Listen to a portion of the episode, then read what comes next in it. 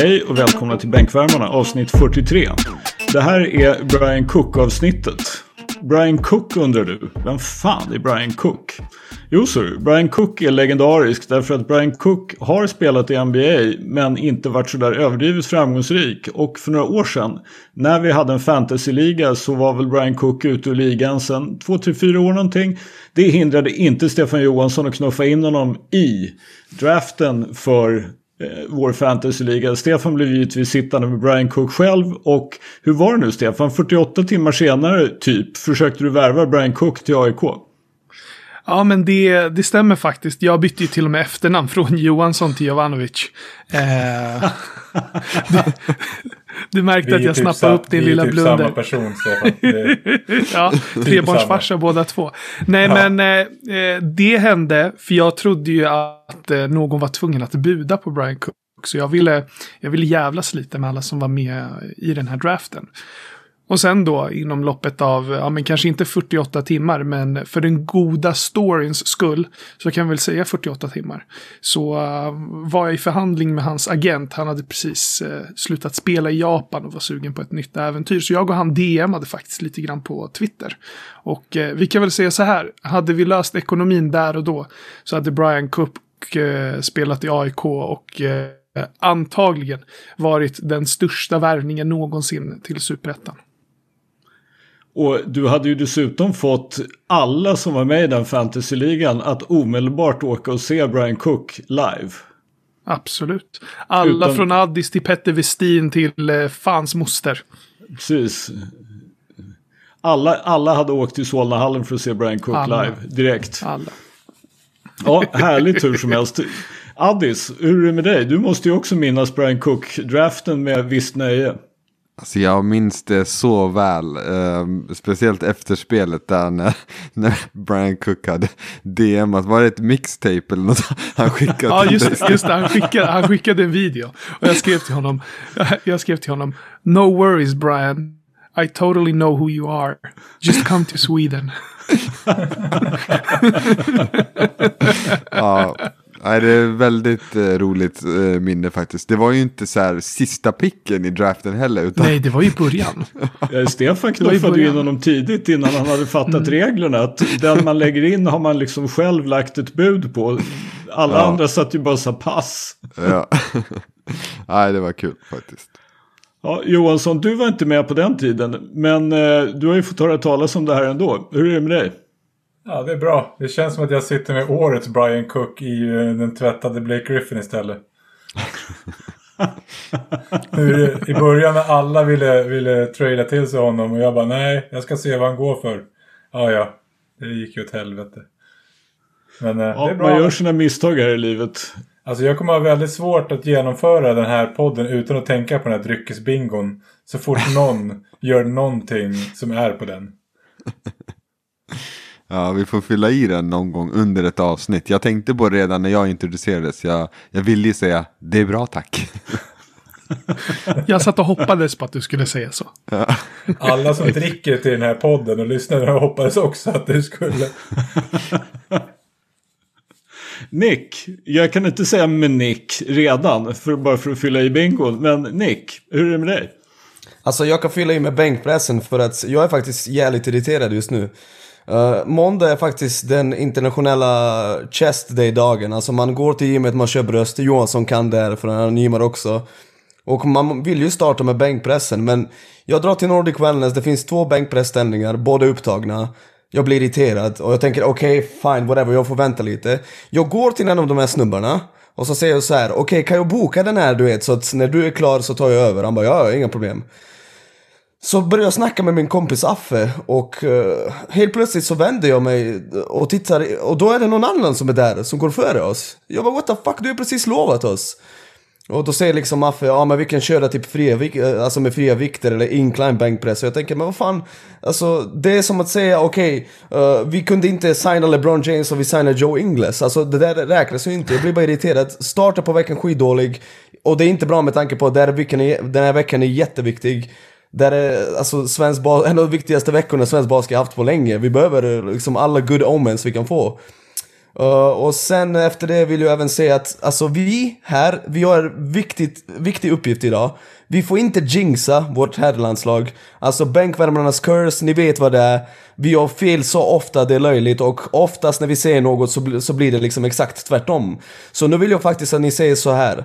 Jag vill inte att ni säger ja ah, det blir tufft men vi har ganska goda chanser. Nej, för då kommer de förlora på lördag. Utan vi får ta det så här. Ja ah, det blir tufft men ah, vi är underdogs. Typ. Vi går dit och det är inte mycket som talar för oss men vi kör. Förstår ni vad jag menar? Alltså vi får inte ge fan i att kasta någon förbannelse över vårt seniorlandslag. That's Vi it. hör dig, men vi måste också ställa en fråga till. Är det så, alltså du kommer ju ut här on fire och är irriterad. Är det verkligen bara bänkpressen eller har du blivit ignorerad av någon tjej du försökt prata med också? Nej, nej, nej. Inget sånt. Jag, jag har också en annan fråga. På det här, det finns ganska många knäböjställningar lediga va? Ah, kom igen jag det är måndag. undrar, det- det- Men vill, vill du att jag ska köra ben på en måndag? Är du galen? Ja, i och för sig. Alla vet att fredagar är för böj. Ja, visst, vi säger så. Fredag. Nej, nu, nu, nu, får vi, nu, får vi gå ifrån, nu får vi gå ifrån gymmet känner jag. Och gå till, till det vi då inte får skicka på The Bänkvärmar Curse på. Det är ju alltså så att Sverige spelar, inte bara Sverige utan hela Europa spelar klart kvalet till EM 2022. Sverige möter Turkiet i Turkiet i en bubbla i Istanbul på lördag den 20 och på måndag den 22. Och det är så att Sverige i dagsläget har en vinst och tre förluster. Holland har två vinster och två förluster. Turkiet har en vinst och tre förluster. Och Kroatien är klara med 4-0. Och det är väl där vi har ett litet bekymmer för både Turkiet och Nederländerna möter Kroatien och man vet ju aldrig hur, hur det blir i en sån här situation när man har ett lag som är 4-0 om de kommer dit för att spela eller om de kommer dit för att göra något annat. Samtidigt är det ju så att det är en bubbla i Istanbul så det finns väl inte så mycket annat att göra. Så man kan ju hoppas på att Kroatien kommer dit och menar någon form av allvar i alla fall. Eh, men läget är ju faktiskt så här och det här är då alltså inte en jinx. Men om Sverige vinner mot Turkiet så är vi klara oberoende av vad som händer i matchen mot Nederländerna. För då har vi inbördes på Turkiet och de kan inte gå förbi oss även om de skulle slå Kroatien sen i sista matchen. Förlorar Sverige mot Turkiet finns fortfarande möjligheten så länge Nederländerna inte slår Kroatien samtidigt. För då räcker det att Sverige slår Nederländerna med tre poäng eller mer så är Sverige också klart för EM 2022. Sen finns det kanske en eller annan annan variant till som, som skulle kunna funka. Men det tänker vi faktiskt inte fördjupa oss i utan eh, vi tänker prata om den svenska truppen. Coach Johansson, du är ju en bra man att eh, säga vad du tycker om den. Ska vi läsa upp hela truppen? Behöver vi verkligen göra det? Eller har du någon, någon synpunkt som du känner Läs till? upp. Läs upp först. Okej. I bokstavsordning. Denzel Andersson. Charles Barton Jr. Simon Brigander. Tobias Borg. Kristoffer Serapovic. Nathan David. Jonas Jerebko. Let's go som Nick hade sagt. Alexander Lindqvist. Johan Lövberg. William McGarity. Thomas Massamba. Melvin Pansar. Adam Ramstedt. Erik Rush och Adam Rönnqvist. Tre av de här kommer inte att få byta om utan alltså i, i åtminstone som jag har fattat åker Sverige med 15 man till bubblan men det är ju bara 12 då som får byta om till respektive match.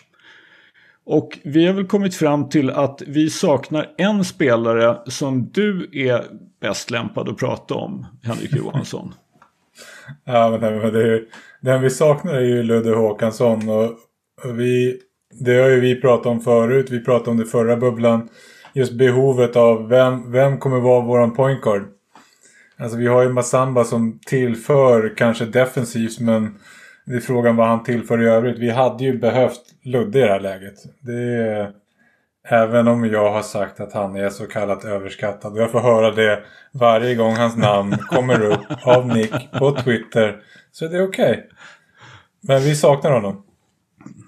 Definitivt. Nick, vad tycker du? Det är ju den liksom, alltså poängapositionen.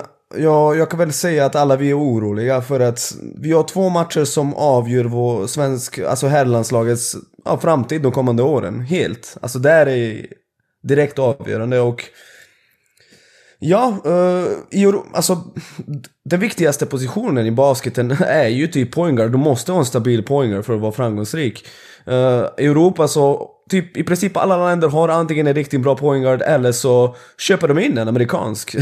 alltså det är så de gör, men, men det gör inte vi i Sverige liksom. Och uh, Ludde Håkansson, visst Johansson, han kanske inte alltid varit på topp, men när, när han är bra, då är han jävligt bra liksom, som vi såg mot Turkiet. Han har den potentialen i sig.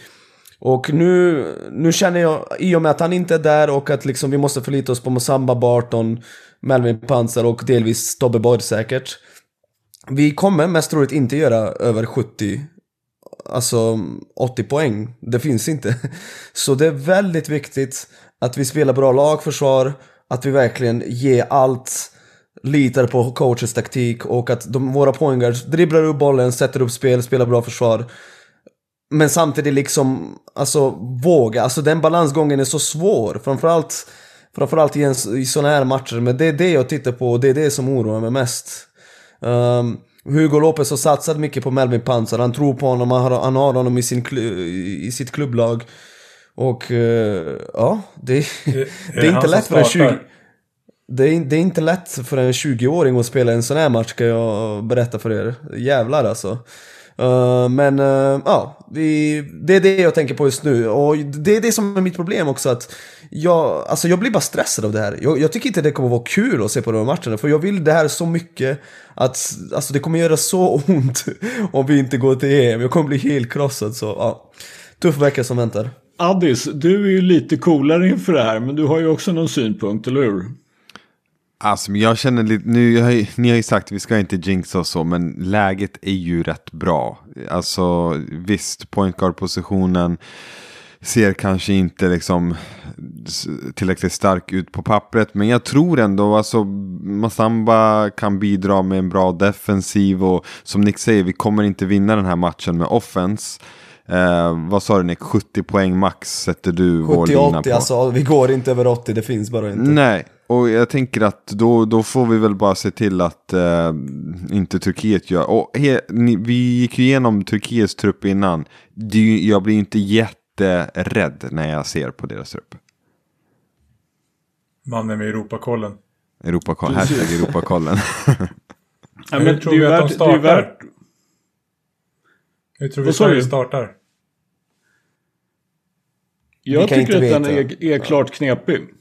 Det är svårt och och Hugo brukar ju rotera. Jag tror inte vi har haft samma start fem och två matcher i rad. Alltså ibland, jag kommer ihåg vi, Barton startade typ hans första match mot uh, Eh, Vitri, uh, eh, Hugo Lopez första match uh, som förbundskapten mot Vitryssland och sen Ja, tre matcher senare så fick han inte spela en enda minut så det är svårt, svårt att se. Det jag tänker på det är just det här. Det är kanske inte så att vi alltid har haft en supervass pointguard. Men vi har länge haft en funktionell pointguard i Thomas Massamba. Däremot har vi alltid haft problem på stora positioner, fyran och femman.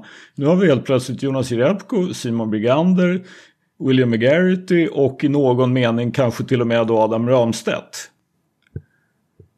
Adam där- Ramstedt som för övrigt är min MVP i spel här. Jag ville bara på, påpeka det. Hashtag rätt förutsättningar. Åker vi. Eh, men, men vi där, däremot då måste spela Barton Junior, Melvin Panzer eller Thomas Massamba som point guard. Jag skulle ju kunna tänka mig om Thomas Massamba ser bra ut på träning att det är honom man startar med just för att han är rutinerad, han är bra i försvar och vi behöver göra någonting åt Turkiets point guard Shane Larkin. En av Europas bättre spelare. Det är väl, ja, det är väl en ganska låg här. Det var ändå så att Massamba fick mer och mer ansvar förra gången. Så att det känns väl inte som någon högoddsare direkt. Men det är ändå så att ja, det känns tungt. Men alltså kan, och- kommer Massamba ens kunna... Kommer, kommer han kunna, kunna stå framför Shane Larkin? Men alltså, det är det som är grejen, att Mossamba har ju tappat mycket av sin atletism. Han är inte på den nivån, men han är fortfarande en smart, smart försvarare. Alltså, han kommer in och gör sin grej och vet liksom hur, hur var han ska vara. Han är en ganska smart basketspelare, så på så sätt tycker jag att han absolut är det, det bästa alternativet vi har mot just Shane Larkin. Sen får vi inte heller glömma att um, Turkiet har också haft det ruskigt svårt offensivt i kvalet.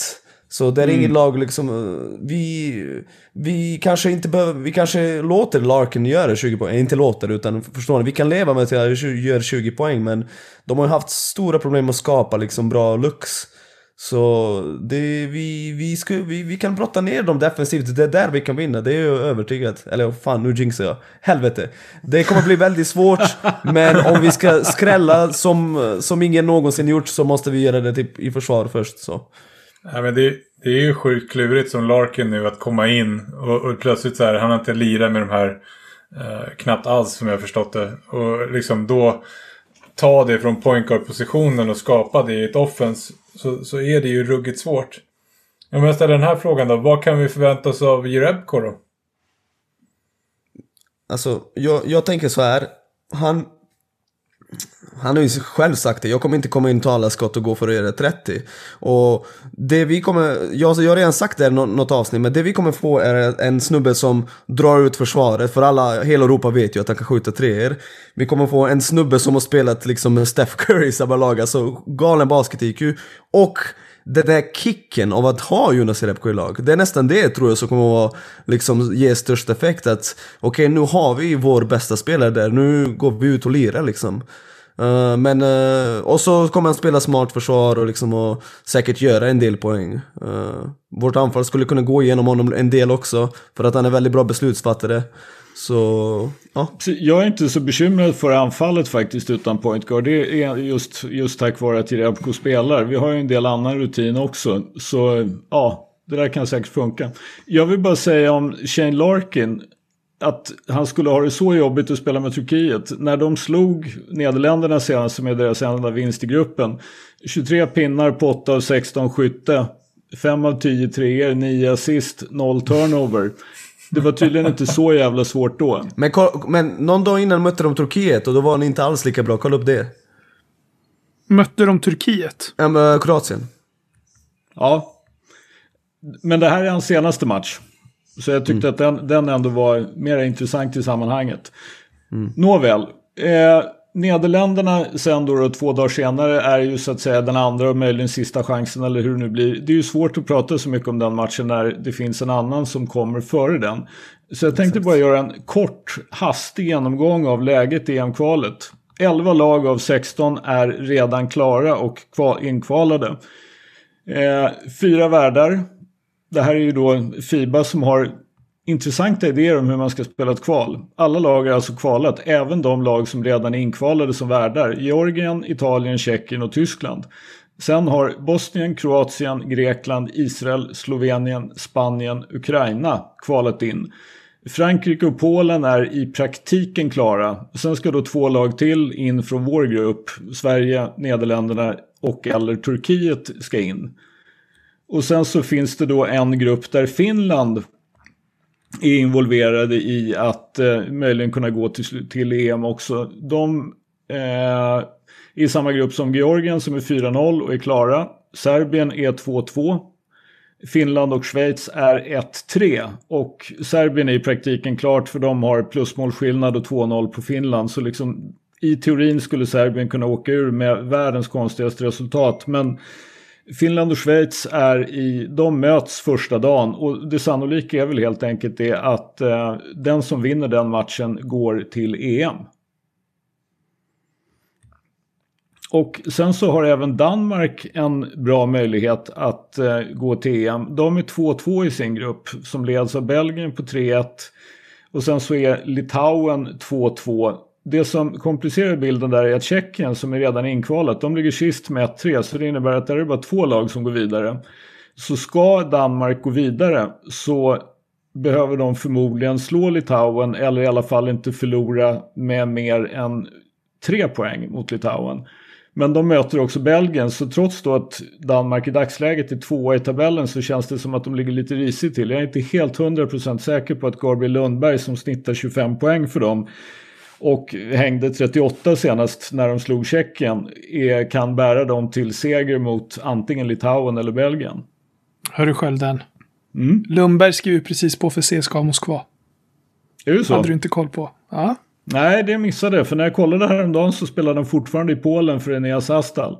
Hur som helst, CSKA Moskva eller Polen, Gabriel Lundberg är en mycket kompetent basketspelare. Men han har att göra om han ska ta Danmark till EM. För han är, jag ska inte säga att han är ensam, men det är han som är det där lagets stora dominant och han som är så att säga deras internationella stjärna. Han är yngre och han spelar på en helt annan position, men han är ju det närmaste de har en Jonas Jerebko.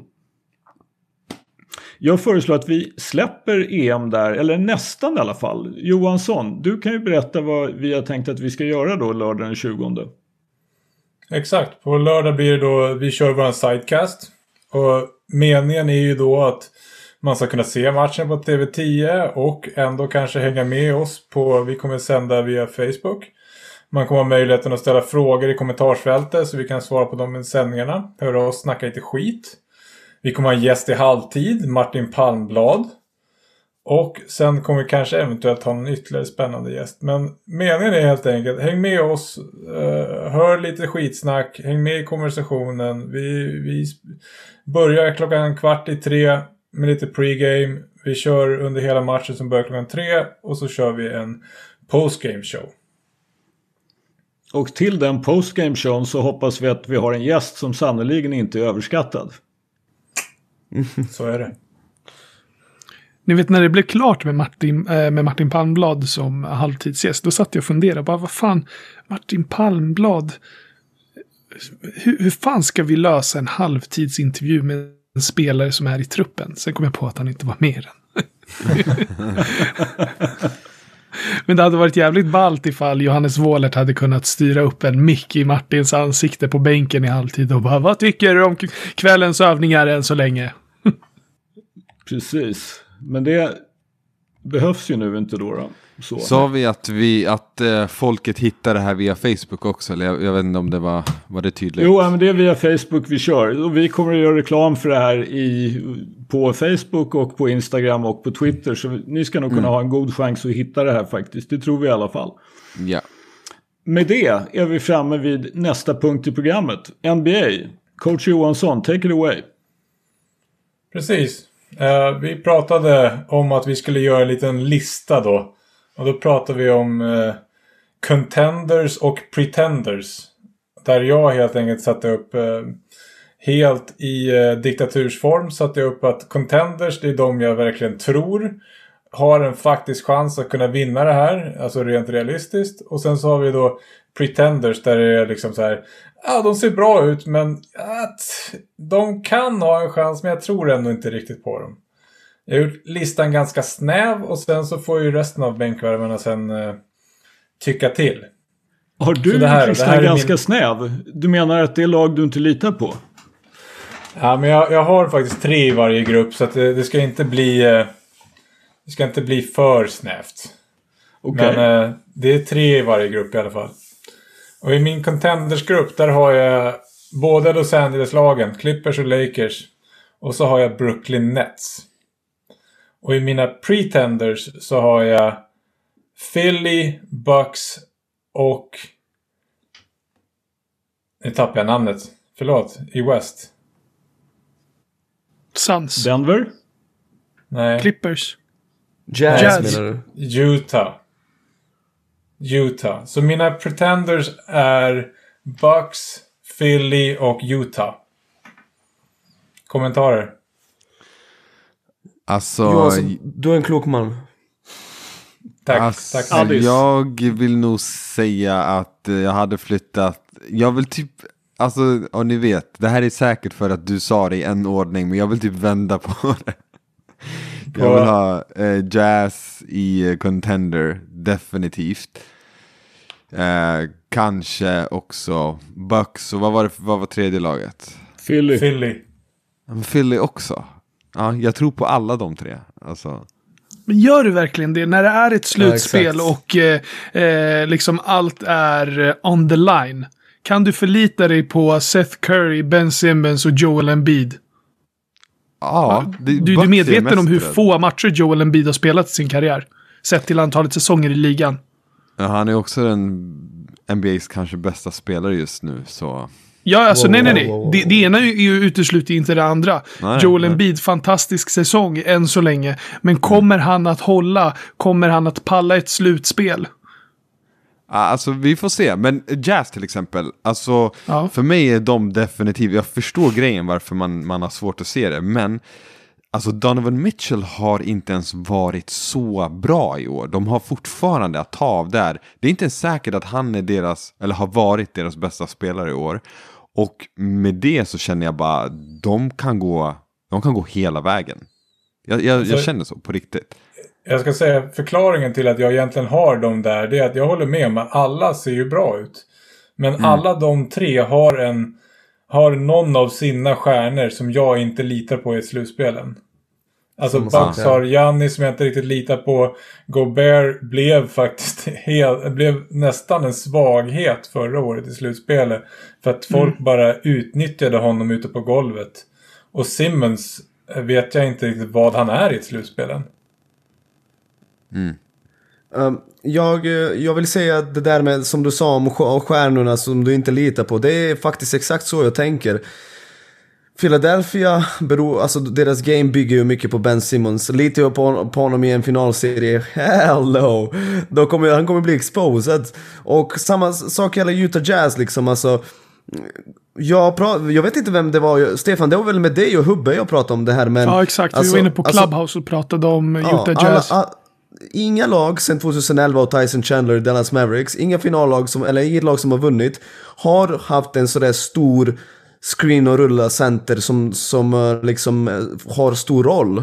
Visst, Golden State startade så här personliga, men han spelar inte på slutet. Alltså man, sådana här centra brukar klaga upp spacingen liksom. Och efter att jag har sett vad Nikola Jokic gjorde mot honom nyligen, vilket var alltså pinsamt. Eh, då vet jag inte hur Gobert kommer att... hur ska han vinna matchen mot Anthony Davis över, över en 7-game series? Alltså, jag tror att Gobert är riktigt bra försvarare när det kommer till att contesta skott och liksom vara, backa, eh, soft, spela soft touch försvar i pick försvaret och ändå kunna contesta och allt det där, absolut. Men han blir ju slaktat av många centrar, jag vet inte om ni har märkt det. Men i, i år, det är flera centrar som när de har mött Utah Jazz verkligen gått nötter. Eh, så ja, jag litar inte på honom, jag litar inte på Ben Simmons och eh, Utah Jazz kan lika väl heta Utah Bucks. För det de gör i år är samma sak som Milwaukee gjorde förra säsongen. De kommer vara riktigt bra i grundserien. Jag tror inte de går hela vägen. Utah känns lite grann som eh, San Antonio Spurs den där säsongen. Var det 2016 när Golden State hade eh, 73-9? Eller var det 2015? 2016 var det. Ja, de, de känns som San Antonio Spurs det året. Det är, man tror och man hoppas.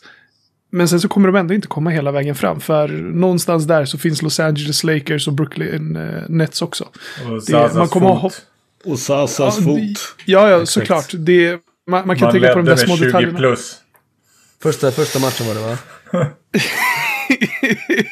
Du drar inte upp inte gamla sår nu, inte alls. Det, det, det var inte meningen att trampa på den tån. Kryss i bingorutan. Kryss i bingorutan. i Johansson är bitter.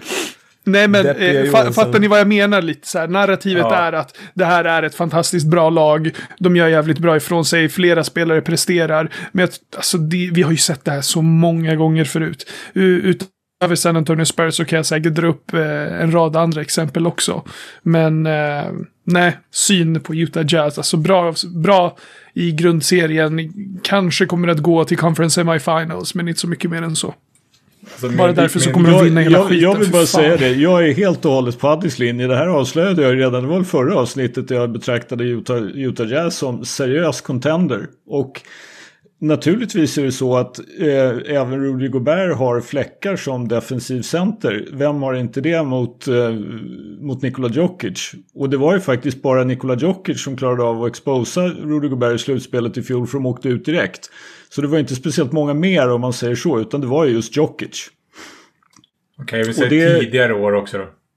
Ja, Alltså fast Utah har ju inte lyckats uh, slutspelsmässigt för... Fast då, då har ju Utah faktiskt varit både en och två, två pieces ifrån. I år så är de ju faktiskt djupare än vad de någonsin har varit. På, liksom både ute på perimetern och Eh, i, med, I och med det att de har Rudy Gobert och sen så har de också Derek Favors som kan spela när Rudy Gobert vilar. Förut har de inte haft någon som kan lira när Rudy Gobert vilar och i fjol saknade de Bojan Bogdanovic i slutspelet. Nu har de åtta man, de behöver inte spela Minivan Yang liksom mer än ströminuter någonstans här och där. Fy fan vad dåliga så- det men det blir lite samma som vi pratar om det här. Vi, vi diskuterade i gruppen en gång det här med Bucks defense där Brook liksom backar av. Och samma sak blir lite med Gobert i slutspelet. Jag menar, är det, säg att de kommer till final och säg att Nets dyker upp där. Jag menar, ska han droppa mot Kyrie, Kevin Durant och James Harden? Det är det som blir problemet. Det är ju det att hans spelstil, det är inte att de har fyllt på med Derek Favors. För min, min, så här, min contenders eh, liksom, kriterier var så här. Vilka tror jag kan slå Lakers i en sju serie? Det var det jag tänkte. Och jag tror att det är Clippers som har en chans. Och Nets om de är ruggigt heta och någonstans hittar någon sorts vilja att spela försvar. Så tror jag att de har så mycket offensivt så de kan ändå göra så mycket poäng. Ja, speciellt om Anthony Davis, eh, vad heter det, hälseneproblematik eskalerar. Ja, absolut. Alltså om Anthony faktor. Davis hälseneproblematik eskalerar så säger jag rakt av att Lakers är rökta. Tyvärr LeBron. Alltså utan honom så är de rökta. Verkligen. Så är det. Så är Det- det. det Vi, är vilket liksom- lag håller vi då då? Som absoluta favorit. Ifall, gud förbjude, Anthony Davis eh, får ytterligare problem med hälsenan. Vem är liksom den eh, självklara favoriten då? Brooklyn och. Clippers. Clippers skulle jag säga. Men ingen självklar. Det är, Nej. men Clippers är nog de som jag ser som nästa. Alltså, hur, länge, hur länge har Paul George varit borta och hur länge kommer han att vara borta? Exakt. Han hade ju något problem med ett uppsvullet eh, ben i typ högerfoten. Eller var det, ja, någon fot så var det något ben i alla fall som inte var okej. Och det är det som gör att han blir borta. Eh, man börjar undra ifall han någonsin kommer att få, få vara skadefri. Ja, men- Och han har ju redan, alltså från början skulle han inte vara borta så länge. Nu är, har de ju som jag har förstått det så har de ju så att säga uppgraderat hans skada. Så att, att liksom, ja det är sämre, det är sämre än, än, än vad man liksom har trott från början. Han kommer att vara borta en längre tid än vad man trodde från början om jag har fattat det hela rätt. Men du, Sk- Skölden, du, du säger ju att du tror på Utah. Hur kopplar du ihop det där med att de har varit hetast i NBA på treor och satt massa treor och att treor inte är så viktiga eh, som du sa förra veckan? Ja, men, alltså, det är ju två, det är två saker det där. Det är ju klart som tusan att om du kan, om du kan skåra från tre så öppnar ju allting annat. Och det du säger då om det här med spacingen att eh, Rudy Gobert kommer att klogga upp deras anfall så gör han ju inte det för tillfället därför att de skjuter treor. Och han är och i och med att han är vad han nu är 7-2, 2-15, 2-16 eller något sånt där. Han är väldigt bra på att sätta screens och han är ju helt kompetent att fånga bollen och dunkar om man får den från liksom 3 feet från, från korgen. Han ska inte skjuta bollen längre från en 3-4 feet. Men har du ingen som försvarar på honom där så är ju faktiskt Utah fyllt av bra passningsspelare som kan skapa de där lägena för Rudy Gobert. Så du, de har en center som de, du inte kan skita i. Och som Absolut, dessutom är det. väldigt bra på att sätta screens och skapa lägen för de skyttar de har. Jag ville bara provocera dig lite. Jo, jag, jag förstår det. Men så det, det finns ju, jag ser inte att det egentligen finns något, sån här, något motsatsförhållande. Just där. Och det är ju naturligtvis så, ska du spela Rudy Gobert, ja men då måste du ju ha tre, eller liksom bra trepoängsskyttar. För annars blir det ju som du säger. Om de hade Jimmy Butler, ja, då måste ju faktiskt Rudy Gobert flytta på sig. Så att Jimmy Butler har, någonstans att ta vägen när han närmar sig korgen. By the way, Jimmy det- Butler satt, satt tre, tre raka matcher. Bänkvärmarnas curse lever vidare. Tacka oss Jimmy Butler för dina trepoängare. Shoutout till eh, Butler. Jag tar på In, mig inte den här. nog med det, han är 50% från 3-3 matcher i rad. Oj, oj, Så det, oj. var, det var ju någon som väckte den här frågan på Twitter till mig så här. Är det verkligen bänkvärmarnas curse eller är ni bara dåliga? Nej, alltså, men vi- sa inte vi för något avsnitt sen att folk, när de lyssnar på oss, så måste de fatta att vi kan ju ingenting. Alltså vi bara, vi, vi bara har det roligt ihop och så, men vi erkänner, vi kan inget. Alltså jag kan erkänna, det finns ju gott om bevis att jag faktiskt inte kan. Jag följer mycket basket, men det är inte så att jag kan eller förstår mycket för att det är omöjligt att ha så mycket fel som jag har på riktigt. Alltså jag har fan mått dåligt över det. Lamello Ball. Ja, den, den gör så ont jag vill inte ens prata om det. Vi går vidare. Alltså Lamello Ball och Luka Doncic. Men Luka jag Doncic, men där visste jag i alla fall att han, att han kan lira. Jag var helt övertygad att Lamella Ball är skit. Att han skulle göra bort sig och... Nej, jag, snälla please kan vi gå vidare. Jag, vill- jag vill bara säga en sak till om en, en, en pretender. Och det är ju Okej. Philly. Jag ser inget lag som matchar upp så bra mot Lakers som Philadelphia om man tittar på liksom försvar. Yes. Håller med. Håller med. Alltså, Philly är stora. De kan skjuta nu. De har en big som kan spela försvar på Anthony Davis. Ja, ja. Bra Skölden. Jag håller helt med. Eh, säg inte dom. Curry kan skjuta. Inte dom. Danny Green. Sharpshooter. Oh what? I och med att de har Ben Simmons så har de ju faktiskt en av få som kan spela något försvar på LeBron. Det stämmer faktiskt. Ja. Observera att jag verkligen inte säger stoppa. För det är liksom LeBron i slutspelsmode med någonting runt omkring sig går inte att stoppa. Men du måste ju ändå liksom göra så att han inte har lätt att göra 35. Och då skulle jag säga att Ben Simmons är en av liksom ytterst, ytterst få som har den kapaciteten som försvarare. Plus dessutom att LeBron måste spela försvar på Ben Simmons. Och det är inte helt enkelt för honom heller. Va? Det är svinenkelt. Har du inte sett bilden när han bara står under korgen? fyra meter. Ja, Ja, men, men det är alltså, inte riktigt vi- så verkligheten ser ut, grabbar. Nej, Alltså men om, du, däremot... om, du, om du spacear ut och det är ju det de faktiskt kan göra nu på ett sätt som de inte har kunnat på ganska länge. Om de spacear ut så ja, då kan ju LeBron stå där. Då kan ju faktiskt Simmons ta den till korgen ändå. Det har vi redan sett i grundserien i år. Ja. Vilka mötte de nu senast? Var det, var det Phoenix Suns? Ja. Ja. torskar. Och när, när eh, Ben Simmons sätter fart. Det ingen kan ju stoppa honom. Han buljar precis vem fan han vill i den öppna banan. Ja, men Det är löjligt. Han- I, I finalerna så saktar spelet ner en, en aning. Men Ja, han men vill som- ju som inte sagt, skjuta det- mer än typ sju skott. Alltså, Det, det som är så bra med att vi är oense det är att det blir svårt att säga att det är bänkvärmarna curse. Utan här är det ju helt enkelt så att antingen är jag och Addis ute och cyklar eller så är Nico Johansson ute och cyklar. Vi täcker alla baser. Exakt. Precis. Bänken har rätt oavsett. Ja, oavsett. Vi ljuger ju aldrig. Kom igen. Högklassigt. Våra, jag, jag tycker faktiskt att det här det är, det är faktiskt så det är. Ja, ja. Ja, bra, bra contenders pretenders där Johansson, även om du har fel. Addis, låt oss höra om du har rätt eller fel vad beträffar. Vi måste ju ta det här vidare med namn. Efter att vi har gått igenom svenska basketligan så måste vi också gå igenom NBA. Där är det ju inte så att det saknas namn på lagen, men det finns de som är bättre och det finns de som är sämre. Exakt, jag har ju fastnat på det här med namn eh, på lag och jag tänker att jag fortsätter i det spåret i NBA. Men innan det måste jag bara säga att jag har fortfarande inte släppt, jag köper ju Sundsvall Dragons, men jag har fortfarande inte släppt hur det handlade om att så här, staden typ brann ner och så hämtar man någon väktare och så tar man det enda liksom väsendet som, som sprutar eld. Jag förstår inte logiken i det. Jag har, jag har liksom fastnat i det. Men ja, jag vet inte. Fråga, fråga mannen bakom bokslutet. Exakt, han har nog koll.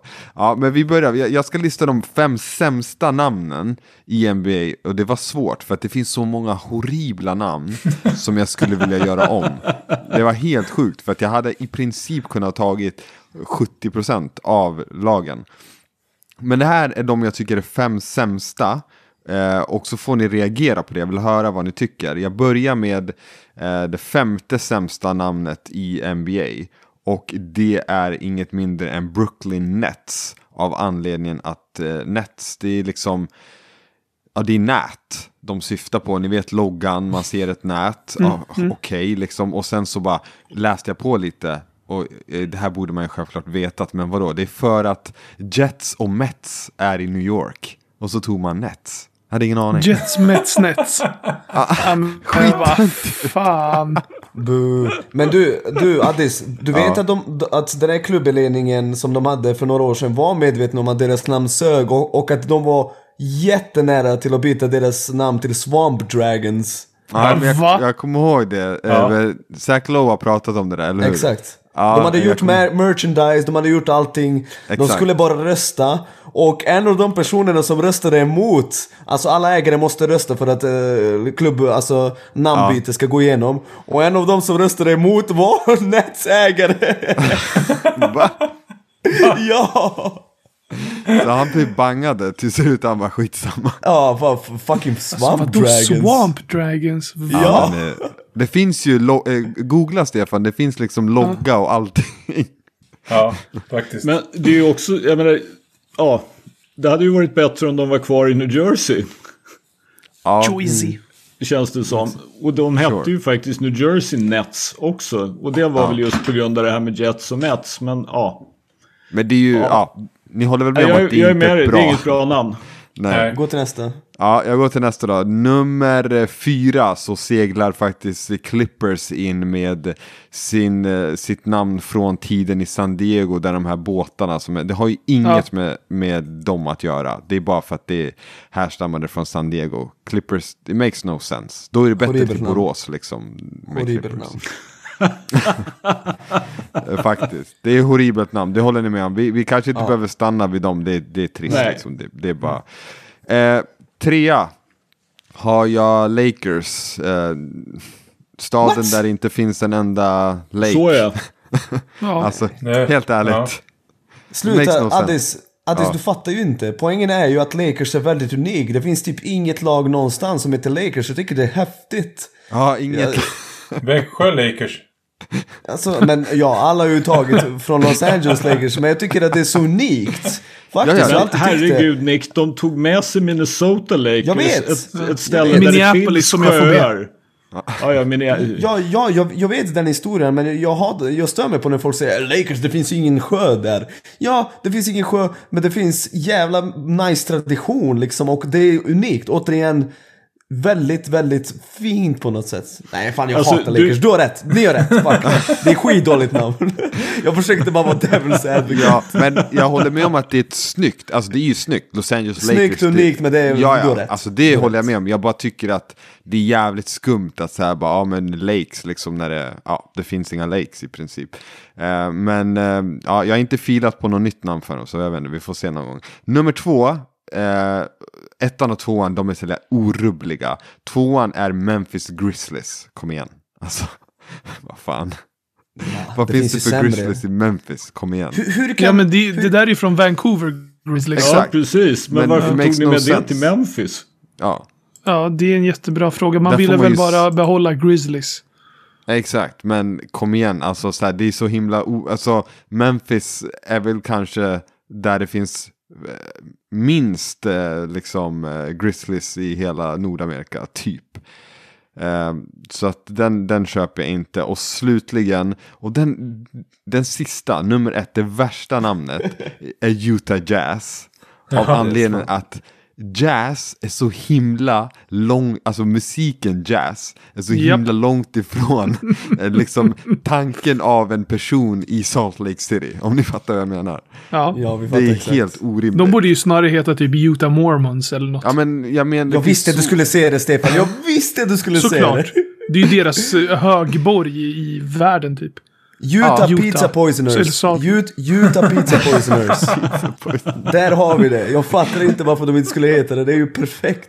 Ja, men det, alltså, man kan ju inte ta med sig något så unikt. Det, från, det kommer ju för de som inte vet från New Orleans då, där jazzens liksom, eh, där jazz växte fram, musikstilen då, och sen flyttades de till Utah. Men det är så, det är liksom, det är så, de är så långt ifrån varandra kulturellt. Eh, hur många lyssnar på jazz i Utah? Det är, ma- det är tre personer liksom. ja, jag vet inte, Eh, har ni något annat förslag eller köper ni min, min lista Ja, jag köper värsta? din lista, men innan, in, jag måste bara ställa en fråga. Har du tänkt att du ska följa upp med topp 5 också, eller? Ja, och alternativa namn. Det kommer senare någon gång också. Okej, ja, men bara, bara så att jag liksom inte förstör någonting. Men jag gillar ju inte Wizards. Nej, jag vet. Nej. Det, det är horribelt. Thunder måste hur- få plats på topp 5. Ja, Thunder, Thunder har du sett deras logga, deras namn? Alltså det är ju så osexigt som det kan vara. Jag håller med. Vem klickar? Förlåt, förlåt för jag avbryter. Vem är det som klickar hela tiden? Jävlar vad jag stör mig på det. Är det någon som klickar? Eller inbillar jag mig? Jag vet inte. Jag hör bara Vem tick, var det, Vem var det som klickade? tick. Och så med jämna mellanrum verkligen bara tick, Clickbait. Tick. Ja, jag vet inte. Jo men Ja. slut! Jag har ingen aning. Men i alla fall, eh, ni får gärna skriva till mig som ni gjorde med de här svenska namnen och komma med alternativa förslag eller vad ni själva tycker är de värsta namnen. Jag vet många av de här var ju lag som har flyttat, men som ni säger, Thunder och Wizards är horribla namn. Även Raptors. Det är ju bara, man valde det bara för att Jurassic Park släpptes det året. Liksom. Men alltså, är det ingen som, som inte gillar tr- Trailblazers? Alltså vadå Trailblazers? Ja, den är också skum. Va? Okej, jag fattar att eh, det finns mycket skog där uppe i... Eh, i eh, vad fan heter staden de är ifrån? Eh, Portland. Tack. Det finns mycket skog där uppe och det är så här nordväst, eller vad blir det typ? Nordöstra eller nordvästra, nordöstra tror jag att det är. Nordvästra. Ja, nordvästra angränsar till typ Alaska och gud vet Kanada och vad fan det är, är ju där i närheten. Eh, men sen vadå Trailblazers? Alltså vad säger det?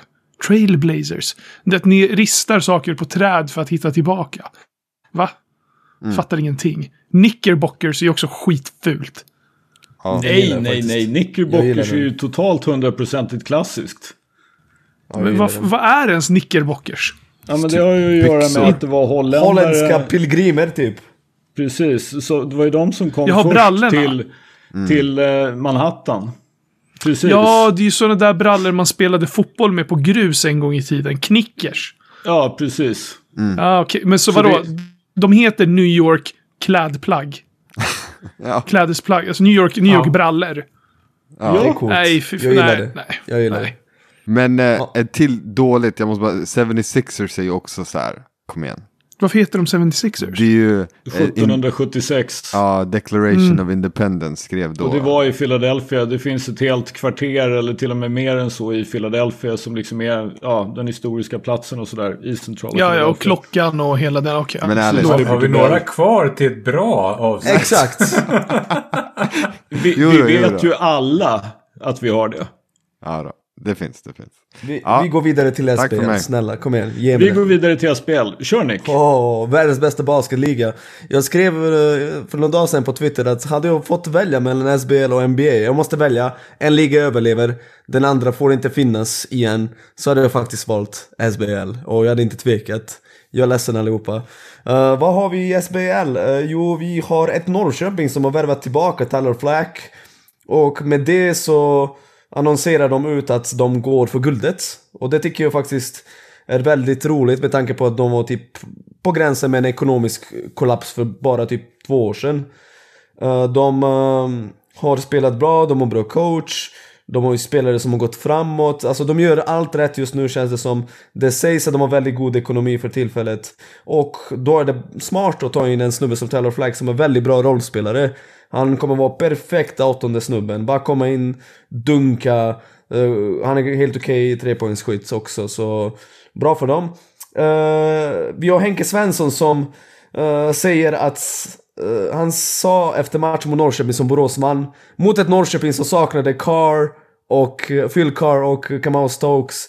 Han sa det här är sensationellt, jag kan knappt tro att det är möjligt. Med, alltså vilken han är, bryt, med vilken brytning? Eh, jag tror faktiskt att det var Horred brytning, han är från Horred. Ja. Hoppas det i alla fall. Nej men, uh, vad heter det, han, han har blivit sjukt bra på att trolla faktiskt. På riktigt, alltså det där är ju next level. Man kan knappt tro att det är möjligt. Uh, Norrköping saknar halva laget.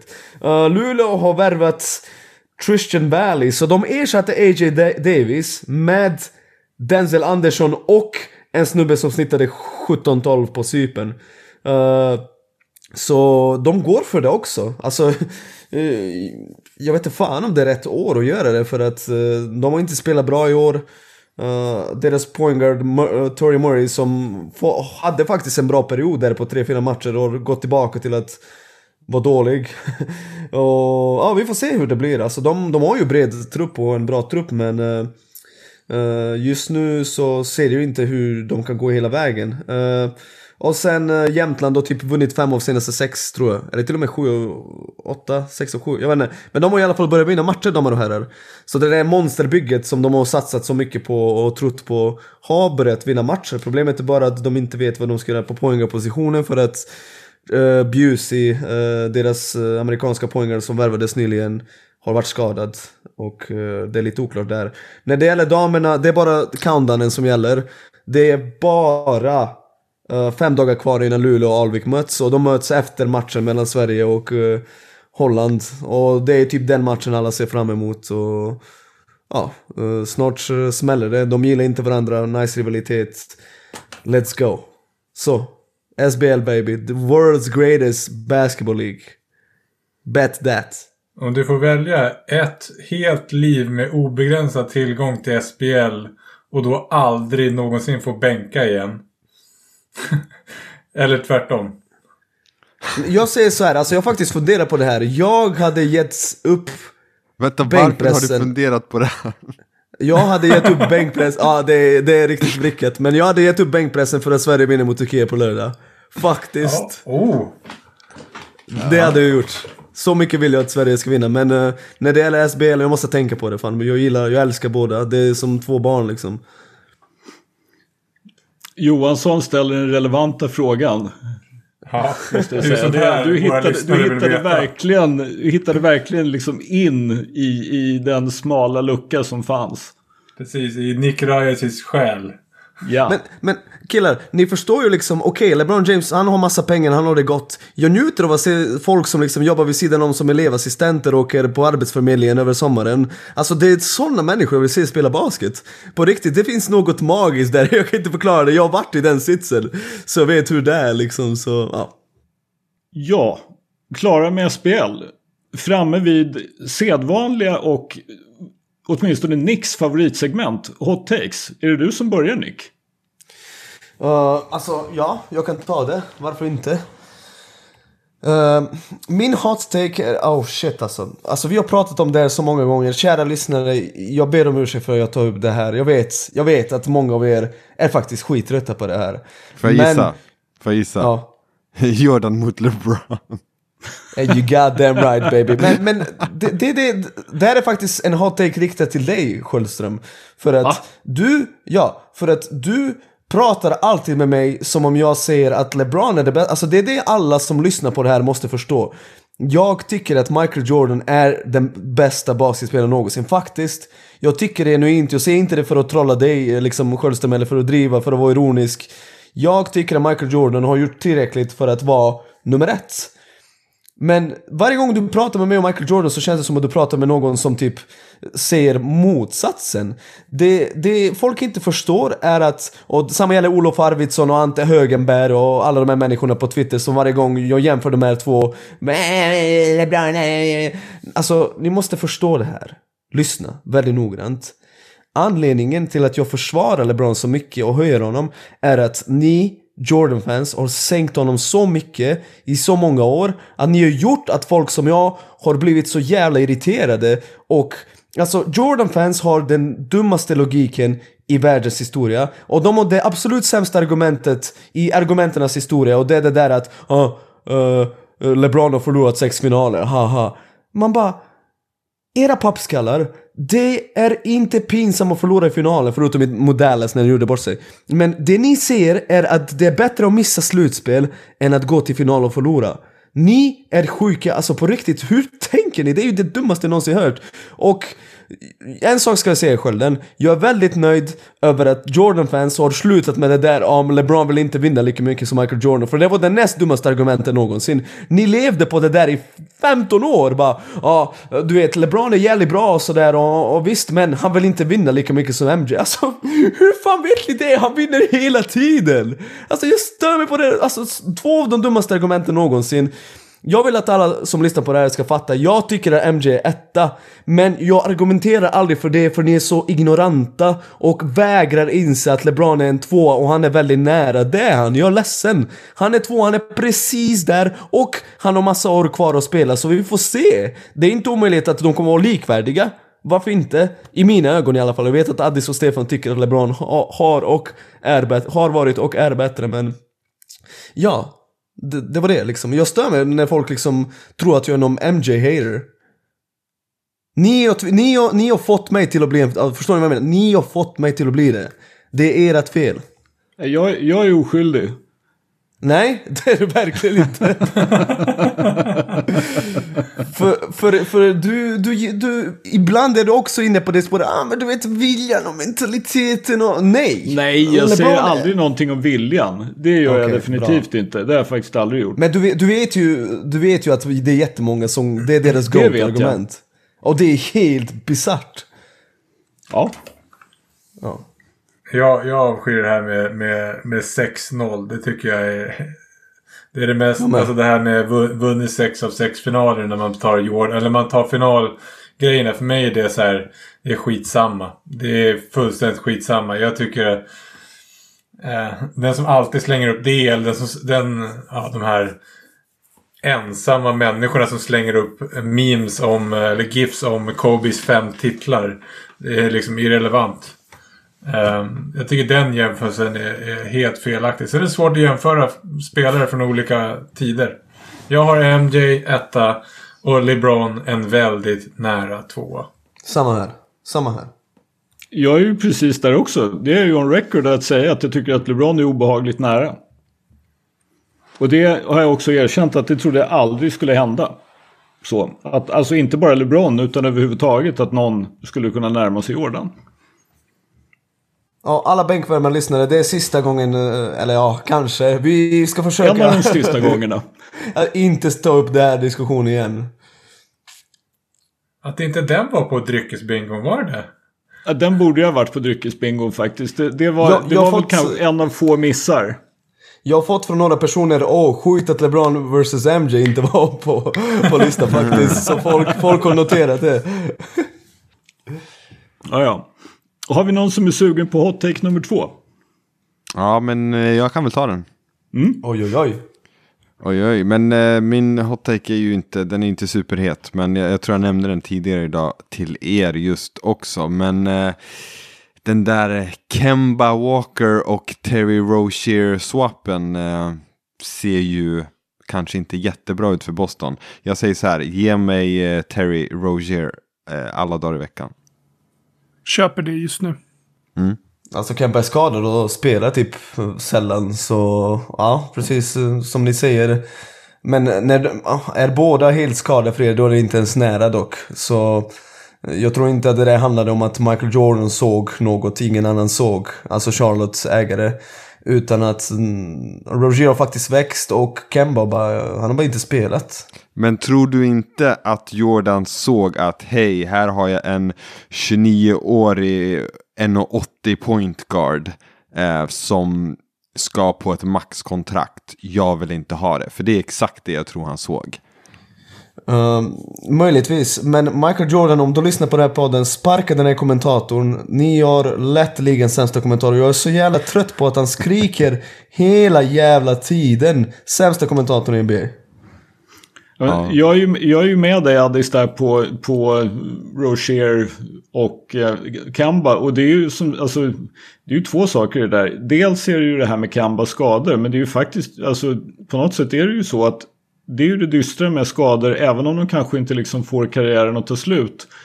Så hämmar de ju en spelare. Alltså kan du inte träna ordentligt, kan du inte liksom delta. Nu är Kamba kanske inte i en situation där han skulle utvecklas jättemycket. Men på den här nivån att vara 97% eller 98% att vara i 95% rytm eller 96% rytm eller 100 det är en jävla skillnad. Alltså, och Kamba är ju där. Det började ju redan förra året med Alltså han, har- han har knäproblem, han kommer tillbaka och så ser han, börjar han se okej ut och sen så är det dags för liksom load management eller rehab eller liksom, och nu den här säsongen har ju börjat lite likadant. Och Rocher har utvecklats och Rocher är väsentligt billigare och yngre. Där måste man ju säga att Ainge gjorde en miss och att Jordan faktiskt eh, läste situationen rätt som inte gav Kamba ett max på 4-5 år. Mm. Ja. Nej men jag bara, jag, jag känner verkligen att eh, han, alltså Kemba, visst, alltså hans mm, topp är ju mycket bättre än Roger, det fattar jag också. Jag tror bara inte att han når den igen och jag tror att det kunde man ju lista ut eh, att han skulle vara på väg neråt. Eh, så att, ja, bra av Charlotte att de eh, gjorde det, även om det var, det var ju, det är ju tufft såklart att släppa någon som man har draftat ja, och allt det där. Men eh, jag tycker att de gjorde helt rätt och eh, shoutout till Charlotte. Vadå, även, de har ju träffat rätt nu ganska mycket. Roger, Hayward, inte minst Ball. Så ja, shoutout. Man måste ju även säga att de har draftat några ganska hyggliga efter att ha gjort i stort sett tio år i rad med mer eller mindre missar. Så liksom Miles Bridges och PJ Washington är ju inte, alltså Nej. inga superstars men ändå fullt dugliga NBA-spelare. Ja, absolut. Håller med. Ja, det var min hot take. Ja. Ryktet säger att Stefan Jovanovic har fått slut på bensin och tändstickor. Så i väntan på att han ska hinna ner till kiosken och köpa lite sånt så är det väl lika bra att jag går. Jag tänkte helt fräckt sno delar, eller liksom jag tänkte nästan låna Europakollen. Jag har ju roat mig med att söka lite grann i det här, men hur är det med EM-kvalet inför Sverige-Turkiet och Sverige-Nederländerna då lördag och måndag och liksom hela kvalet. Och har landat i att eh, Fiba är ju tyvärr en organisation som är fantastiskt mycket sämre än vad basketen förtjänar på en worldwide och europeisk nivå. Och varför är det så då? Jo, den stora grejen är ju förstås det att Fiba har inte lyckats komma överens med Euroleague om... Jag förstår att man inte kan komma överens med NBA. Det skulle jag aldrig hålla emot Fiba. NBA gör ju förstås som NBA vill i det här fallet. De slutar inte spela NBA för att man ska kunna släppa spelare till kvalmatcher. Men att vi har en situation där 18-20 lag är med i Euroleague och alltså faktiskt i princip ser till att de spelar sina matcher när det går kval. Alltså att man lägger schemat egentligen känns nästan lika mycket som att det är för att reta Fiba som det är för någonting annat.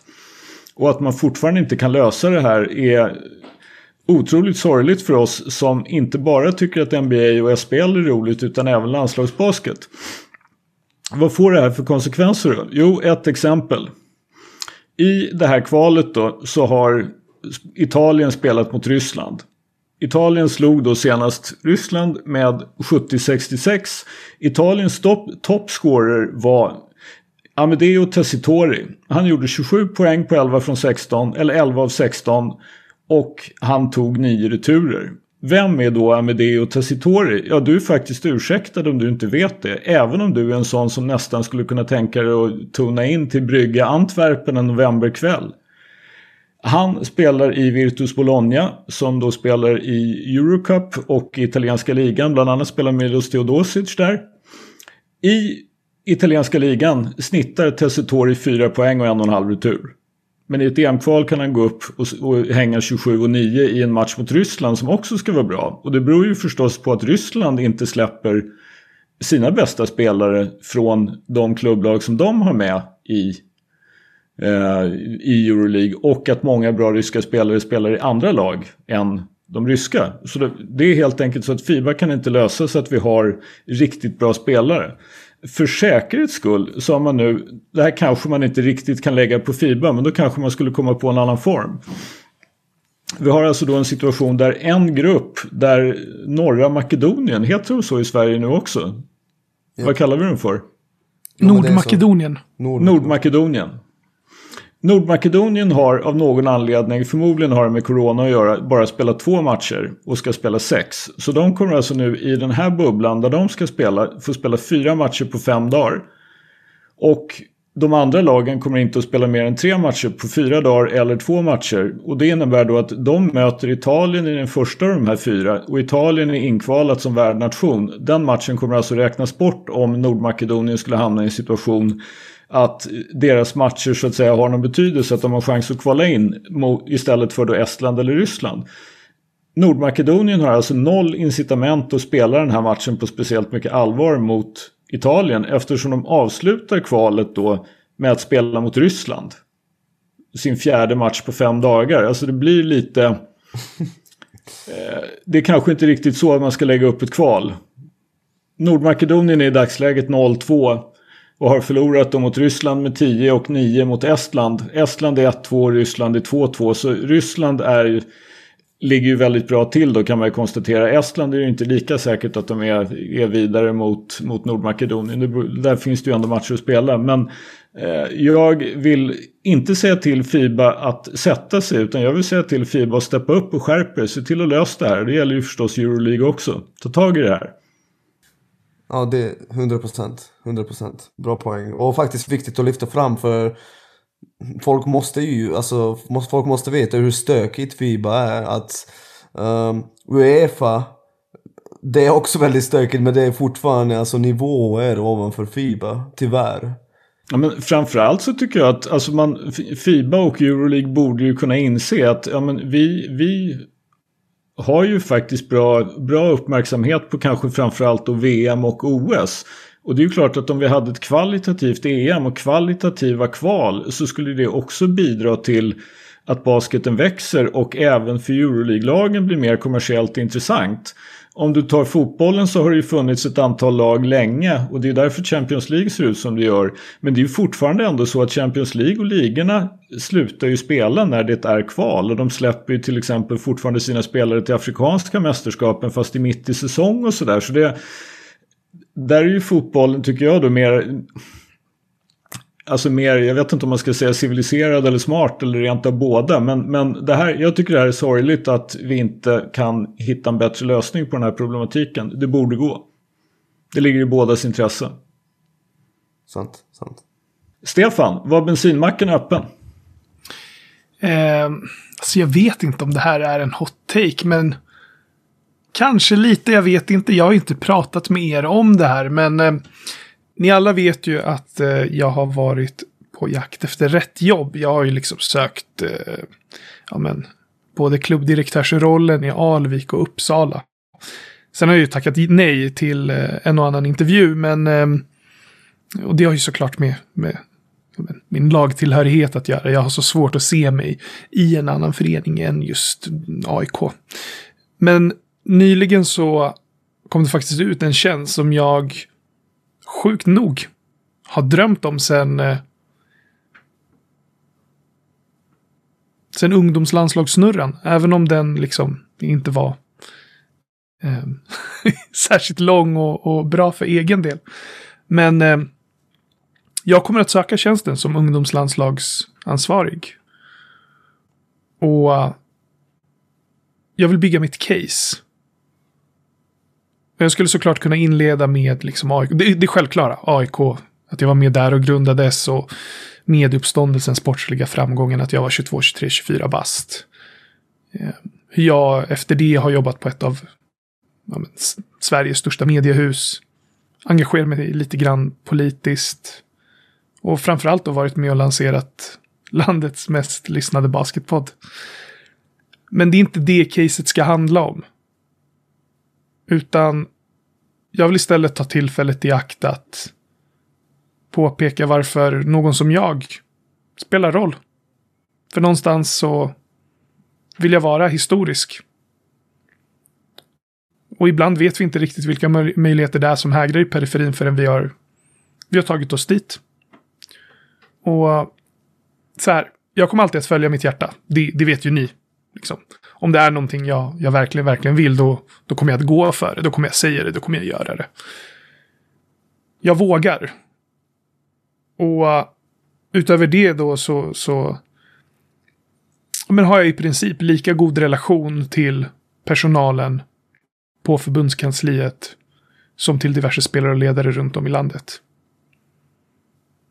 Och jag har genom åren kunnat skapa mig den fördelen Ja, men dels då för att jag har varit ja, men den här den här unga, unga grabben i AIK som, som har fått hela basket-Sverige att eh, antingen älska honom eller hata honom. Men också För att jag kunnat möta alla med öppet sinne. Det är därför vi sitter här idag. Det är så jag och du har lärt känna varandra, Skölden. Även fast vi har en liten historik innan också. Eh, Coach Johansson. Via Twitter, samma sak med Nick och, och Addis. Liksom. Vi, jag tror nog inte att vi någonsin hade lärt känna varandra. Eh, jag hade åtminstone inte lärt känna er. Ifall jag inte hade varit den jag var för ja, men typ fem år sedan. Och ehm, som jag nämnde tidigare, min tid i ungdomslandslaget och alltså, den är ju den är i princip obefintlig. Pontus Frivold kommer inte ens ihåg att han hade mig där på ett Södertäljeläger och det säger ganska mycket. Eh, men jag äger fortfarande mina egna intryck från det lägret och från Micke Herkel-helgen. Eh, jag upplevde att ett ganska stort fokus lades på ja, men den enskilda prestationen. Och inte så jättemycket avsattes för välmåendet. Nu vet jag, jag har absolut ingen aning om hur det ser ut nu. Utan det här är liksom bara det jag tänker på. Ehm, för vi, vi ser ju någonstans också att det finns ny forskning som ständigt bekräftar att den psykiska ohälsan ökar bland unga. Ehm, och jag tror att Svenska Basketbollförbundet, eller snarare egentligen varenda specialidrottsförbund, kan vara en del av en potentiell lösning. Ehm, jag menar såklart inte att, jag menar att förbunden ska ägna sig åt någon form av terapi. Men det skadar inte om att åtminstone prata om vad det innebär att vara ung elitidrottare och den kontext som de här ungdomarna verkar i. Ehm, sen så tycker jag också att det är väldigt viktigt att utbilda de här spelarna i målbildning. Och eh, också erbjuda verktyg för att skapa en känsla av att de vet vart de är på väg. Och ultimat få en strävan och tillit till sin kropp och deras egna förmågor. Jag tycker också att det är viktigt med en tydlig kultur och struktur i en ungdomslandslagsverksamhet. För vi måste, vi måste kunna se hela den basketspelande individen. Det finns så jävla många lager. Som man, som man måste ha i beaktning. För alla är inte likadana, även om alla på ett eller annat sätt kanske har liknande drömmar så är ju personerna helt olika.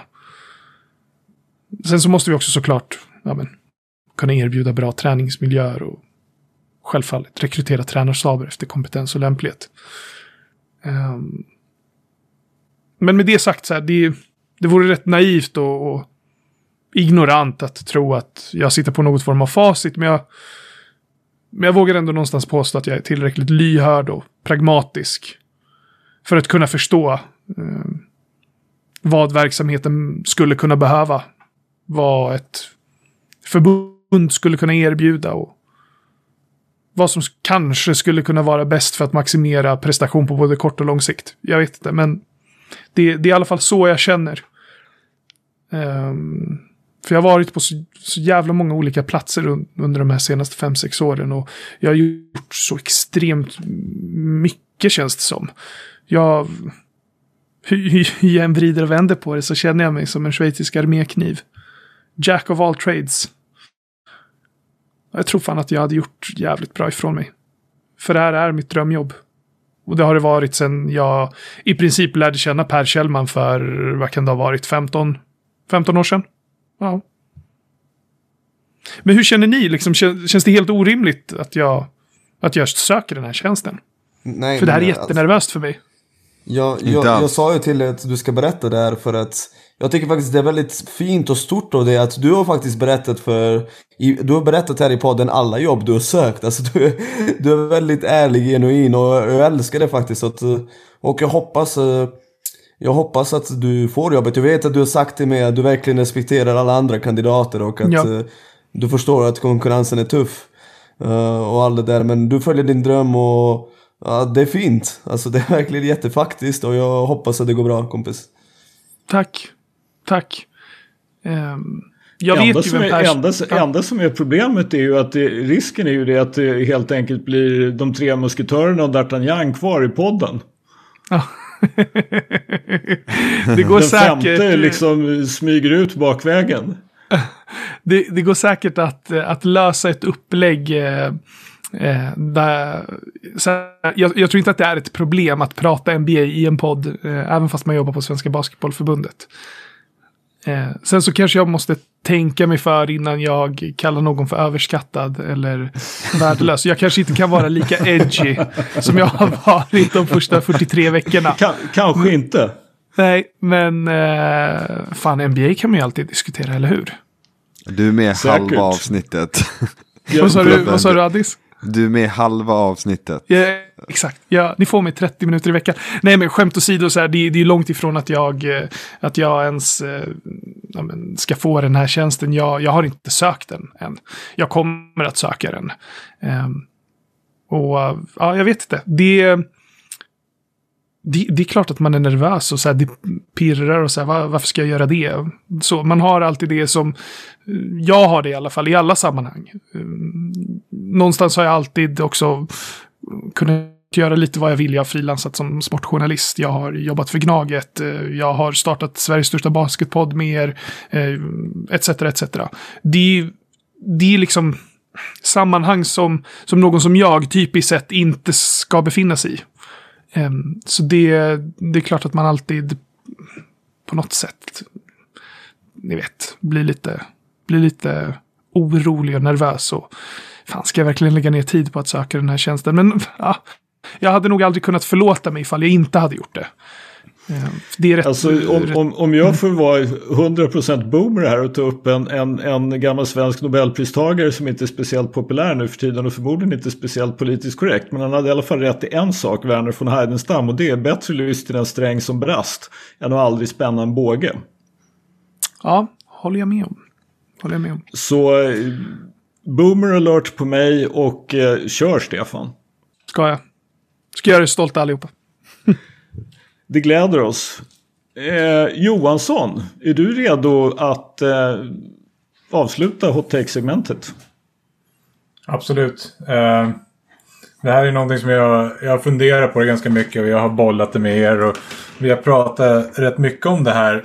Och det, någonstans så är det ju det här, kanske inte en hot take, men eh, liksom det här är ju efterspelet av det som hände med liksom Viktor Gaddefors och eh, de uttalanden som han gjorde i tidningen och Södertäljes hantering av det här. Och vi har ju varit ganska tydliga med vad vi har sagt i podden. Och under de senaste dagarna så tycker jag bara att Dels har jag läst ja, via diskussionsforum på Facebook.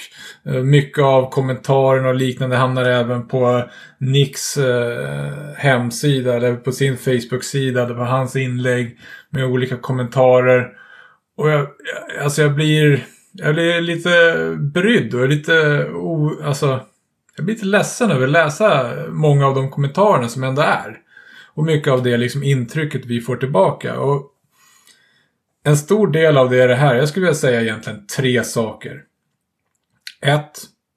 Vi kan inte prata basket oavsett om det är någon annanstans och utveckling av basket utan att prata om just den här typen av ämnen.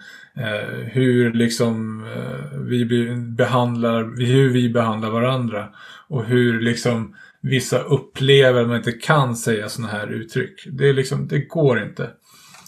Det andra är att om du tycker någonting som gör folk så otroligt sårade. Då kanske du ska tänka över. Vad är det du säger? Vad är, är det verkligen rätt? Är, har du rätt i din åsikt? Om det är så att det du tycker. För jag läser på många av de här som säger så här. Ja men det han sa är ju inte fel. Jo, det är det. Det är fel. Och sen, det tredje tänker jag säga, det är så här. Nej, vi kommer inte släppa det här. Det är någonting som vi har pratat om inom gruppen och det har varit väldigt tydligt att många tycker så här. Men släpp det här, gå vidare för fan. Nej. Jag tänker vara ärlig och säga så här. Det är några som driver nu att vi försöker få Viktor utkastad ur basketligan. Aldrig får spela basket. Det är inte sanningen. Vi vill bara att de, Södertälje, tar sitt ansvar. För det här är inte en sak som vi hanterar internt. Det här är en sak som vi måste visa en signal i. Och vi i bänkvärdarna kommer inte att släppa det här. Jag är ledsen. Det är min hot take. Jag tycker det är roligt det där med att de säger att det är ju häxjakt. Vi har verkligen sagt så här. Uh, vi vill att Södertälje visar vad de har gjort uh, för, för åtgärd, vad de har vidtagit för åtgärder och att de typ stänger av honom i en match. Och alla bara Häxjakt! Ni försöker avsluta hans karriär! Vi bara Nej, faktiskt inte. Tvärtom, det är ju det minsta vi kan begära liksom. Men Stefan, du brukar säga en bra sak. Vad är det du ser? För, uh, för privilegierade... privilegierade känns jämlikhet som förtryck. Exakt, helt plötsligt är det häxjakt. Exakt. Mm. Det är så, den quoten är så jävla bra. Det, det jag gillar just nu som faktiskt är, som jag tycker är bra just nu.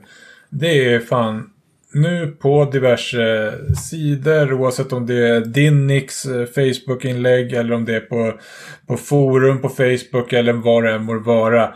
Säger någon någonting dumt nu så hålls de accountable. Det är någon som kommer in och säger så här, det där är fel. Jag tycker de flesta gör ändå det med en respektfull ton. Och gör man det och man säger sina argument så är det faktiskt så att vi måste kunna bemöta det utan att man tar bort inlägg eller säger någonting annat. Det är så att vi måste kunna bemöta om någon säger någonting dumt.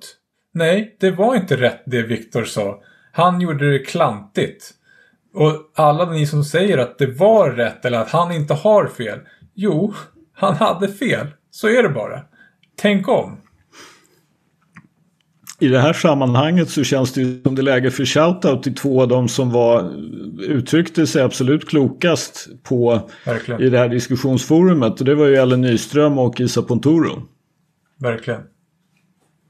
Shoutout till er. Keep it up. Vi kan ju nämna också att faktiskt så har det ju varit en manifestation eller ja, man måste nog kalla det för en manifestation häromdagen när Nässjö mötte Fryshuset var det väl? Ja, det stämmer. Då båda lagen efter match samlade sig och eh, ja, men gjorde en gemensam manifestation för just det här. Där de, alltså, och frågan är just där att den här frågan handlar ju inte om Viktor Gaddefors och den handlar egentligen inte om Södertälje Basketbollklubb heller utan det handlar ju faktiskt om Ja, men alltså, och egentligen inte bara basket-Sverige utan det handlar om hur vi behandlar varandra som människor i alla möjliga sammanhang. Och det är ju då särskilt viktigt inom basketen som har icke utan rätt också varit väldigt stolta över liksom jämlikhet. Eh, att man ger människor med massor med olika bakgrund chansen att man, att, liksom att man står upp mot rasism och man står för jämställdhet och så vidare. Just därför är det ju ännu viktigare att det här faktiskt är sant i alla lägen och att man visar att man står för det. Och ingen av oss här har ju varit ute efter att Eh, Viktor Gaddefors ska få ett straff, liksom att han ska sitta i fängelse eller bli utkastad eller karriären. Tvärtom så ser vi det här som någonting som är till för Viktor också, att han ska få en chans. Han gjorde bort sig, punkt slut. Be om ursäkt och acceptera en smäll på fingrarna och gör någonting bra av det här. Det är ju det vi liksom tycker att Södertälje och Viktor Gaddefors borde kunna komma fram till. Och för att det ska vara en smäll på fingrarna och det ska vara någonting som ska ha någon trovärdighet mot alla andra så måste det bli offentligt. Det kan inte hanteras internt. Mm. Så är det. Skriver jag under på. Avsnitt 43 är följaktligen slut. Vi ser fram emot avsnitt 44 och att ni får lyssna på avsnitt 43. Ha det så bra. Ciao. Ciao. Ciao. Du har precis lyssnat på det 43 avsnittet av Bänkvärmarna. Intromusik Mario Dri och Stefan Stanovic. Deltagare Henrik Sköldström, Henrik Johansson, Nikica Räcic, Addis Nimmerstam och jag, Stefan Jovanovic. Produktion Addis Nimmerstam. Stort tack för att ni har lyssnat. Bänkvärmarna finns i sociala medier på att bankvärmarna SWE på både Facebook, Instagram och Twitter. Glöm inte att prenumerera på vår podd på diverse streamingtjänster. Ta hand om er där ute och glöm inte att bänken aldrig ljuger. De senaste tre avsnitten har tillsammans då med Jonas Jerebko-avsnittet varit de mest lyssnade. Det glädjer oss allihopa på bänken att vi ständigt växer och att det är, äntligen är ännu fler yngre personer som lyssnar på vår podcast. Tack så jättemycket för att ni tillåter oss att vara just bänkvärmarna. Fortsätt sprida vårt evangelium så ses vi snart när den här jävla pandemin är över. Puss på er!